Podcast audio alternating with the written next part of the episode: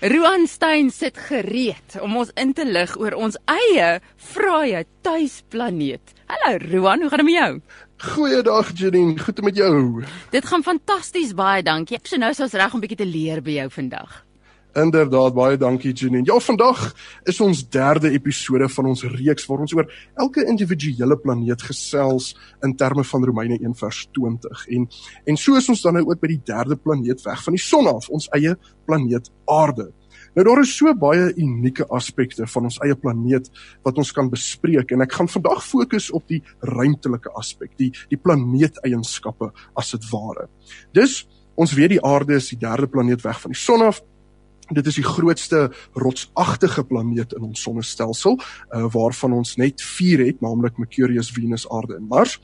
Uh die Aarde het net een satelliet wat natuurlik voorkom, uh namens die maan en die maan-aarde stelsel se gravitasie-invloed veroorsaak natuurlik die getye op Aarde, soos ons dit nou al gesien het by die see. En ons sien hierdie invloed van die maan-aarde gravitasiesisteem ook op die maan. Uh, dit is waarom ons altyd dieselfde kant of gesig van die maan sien van die aarde af, want die toutrekkery tussen die aarde en die maan het hierdie proses uh, wat mense in Engels noem tidal locking veroorsaak oor baie jare. Nou iets wat vir my baie interessant is en wat ek dink glad nie toevallig is nie. Uh, en ek dink dit is absoluut ontwerp deur die Here en ek dink ons het al gesels daaroor um, in vorige programme is die feit dat die maan presies 400 keer kleiner is as die son, maar ook presies 400 keer nader is as die son. So die gevolg is ons sien hierdie vreeslike mooi sonsverduisterings uh, van ons planeet se kant af waar die maan presies die son uitblok amper soos twee legkaartstukkies in die ruimte. En ek dink dis baie spesiaal en baie uniek uh, wat ons planeet aanbetref. Nou die volgende eienskap waaroor ons kan gesels is dat ons weet dat die aarde is gekantel ten opsigte van sy wentelbaan met 23.5 grade en dit veroorsaak natuurlik die seisoene, iets wat baie uniek is aan die aarde. Ons temperatuurverskille uh, in seisoene op die aarde is is, is baie groot. Um iets wat uniek is aan die aarde en die aarde is 'n gemiddelde afstand van 150 miljoen kilometer weg van die son af en daardie afstand word kortliks na verwys as 1 AU oftewel 1 astronomiese eenheid. Dus is die aarde presies in die goue lokkies sone of Engels praat ons van die Goldilocks zone waar dit nie te warm of te koud is nie dit is presies net reg vir lewe om te oorleef. Maar ons gaan nou later bietjie meer in diepte hierdie bespreek. En ongeveer 25% van die aarde is vasteland en 75% is water.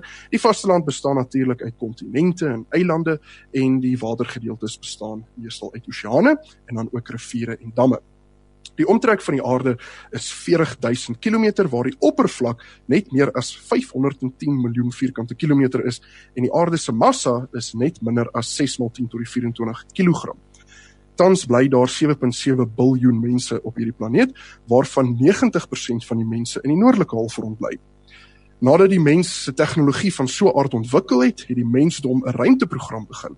So tot dusver het ongeveer 500 mense die, die planeet al verlaat om die buitenste ruimte gaan besoek, waarvan 12 van daardie 500 op die maan al geloop het. Nou die eerste volplaneetfoto uh, wat ons van die aarde geneem het was tydens die Apollo 17 missie in 1972 en daardie een foto, foto het soveel eienskappe van die aarde bevestig.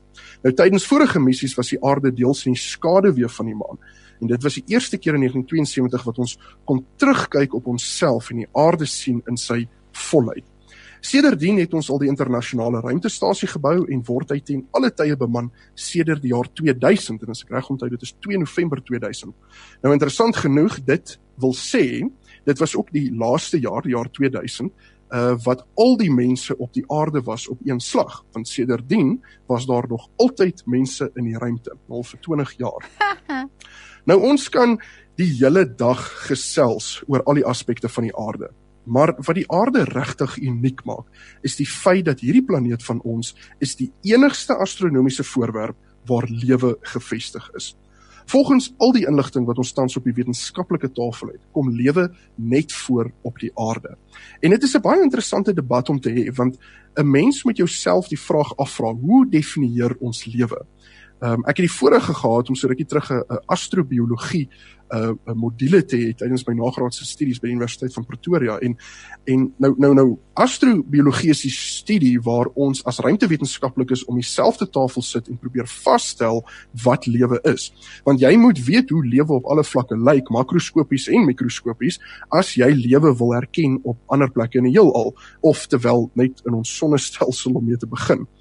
Nou ons kan eintlik 'n hele program hê, selfs dalk nog 'n reeks net oor astrobiologie. Maar basies waarop die hele studie rigting neerkom en die konsensus tussen alle wetenskaplikes is dat lewe het water nodig. Ons kan nou baie definisies deurgaan vir lewe en eienskappe weggooi en so aan en so aan, maar die kruks van die saak op die ou ende van die dag is dat lewe kom net voor waar daar water is. Dit is waarom ruimtewetenskaplikes so gek gaan wanneer daar water ontdek word in die ruimte. Het sy dit nou in gevriesde vorm of waterdampvorm is, ons is opgewonde want daar is dalk net 'n kans dat die omstandighede net net reg is vir iets soos bakterie of ander mikroskopiese organismes om te kan oorleef. Nou om weer terug te kom wat ek in die begin gesê het van die goue lokkies sone. Die omstandighede op hierdie planeet van ons is nie te warm nie, is nie te koud nie, dit is net reg presies hier waar ons is. En dit is presies hier waar Romeine 1:20 inkom. Die die hele feit dat ons planeet presies die regte afstand is van die son. En onthou ons son is ook maar net nog 'n ster. Presies die regte hoeveelheid bestraling het op hierdie afstand vir lewe om te oorleef. Dit is absoluut die handtekening van die Here. So ten slotte wil ek net weer terugkom by die beginsel van water. Die woord water verskyn ongeveer 722 keer in die Bybel. Regdeur van Genesis 1 vers 2 tot en met Openbaring 22 vers 17. Water speel 'n sentrale rol in die Bybel om die mens van lewe te leer. En dit is net nog 'n bevestiging van Romeine 1 vers 20 wat sê want hulle kan sy onsigbare eienskappe, naamlik sy ewige krag en sy goddelikheid reeds van die skepping van die wêreld af duidelik in sy hande werk waarneem. En dit pas so mooi vandag by Genesis 1 vers 1 wat sê: In die begin het God die ganse heelal geskep, die hemel daarbo en die aarde hieronder. Hmm. En dit Janine, dit is die aarde. Ek kan nie eers begin.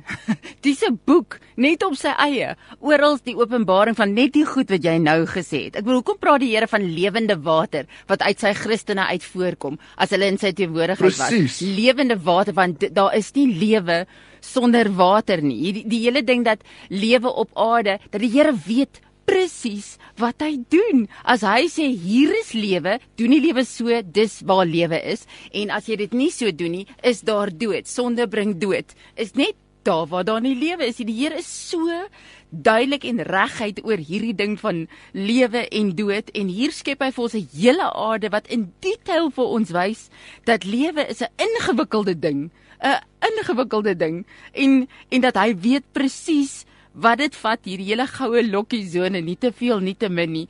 Geen mens ooit sal kom by die tipe inligting wat dit nodig het om 'n aarde te maak werk en te skep nie. Dit is In, inderdaad, inderdaad jy is heeltemal reg en en ek dink ek het dit in 'n vorige program genoem waar waar ons sê dat as daar een ding is waarop ons almal kan saamstem, is dit dat geen mens het 'n planeet al gemaak nie. Hmm. Geen mens is eers besig om navorsing te doen oor hoe 'n mens 'n planeet sou kon maak nie. Ons kan ander planete vat en ons kan hulle herskep. Uh, ons gaan volgende keer gaan ons oor Mars gesels en daar's natuurlik baie goeders wat mense nou kan gesels oor mm, wat ons met terraforming. Ja. Wat 'n mens nou kan maak oor Mars en so aan, maar die feit van die saak is jy kan nie 'n planeet maak nie en die Here God het ons planeet gemaak en heel in die begin van die Bybel Genesis 1 vers 1 daar is soveel opgevang in Genesis 1 vers 1 wat sê net in die begin het God die ganse heelal geskep, die hemel daarbo en die aarde hieronder.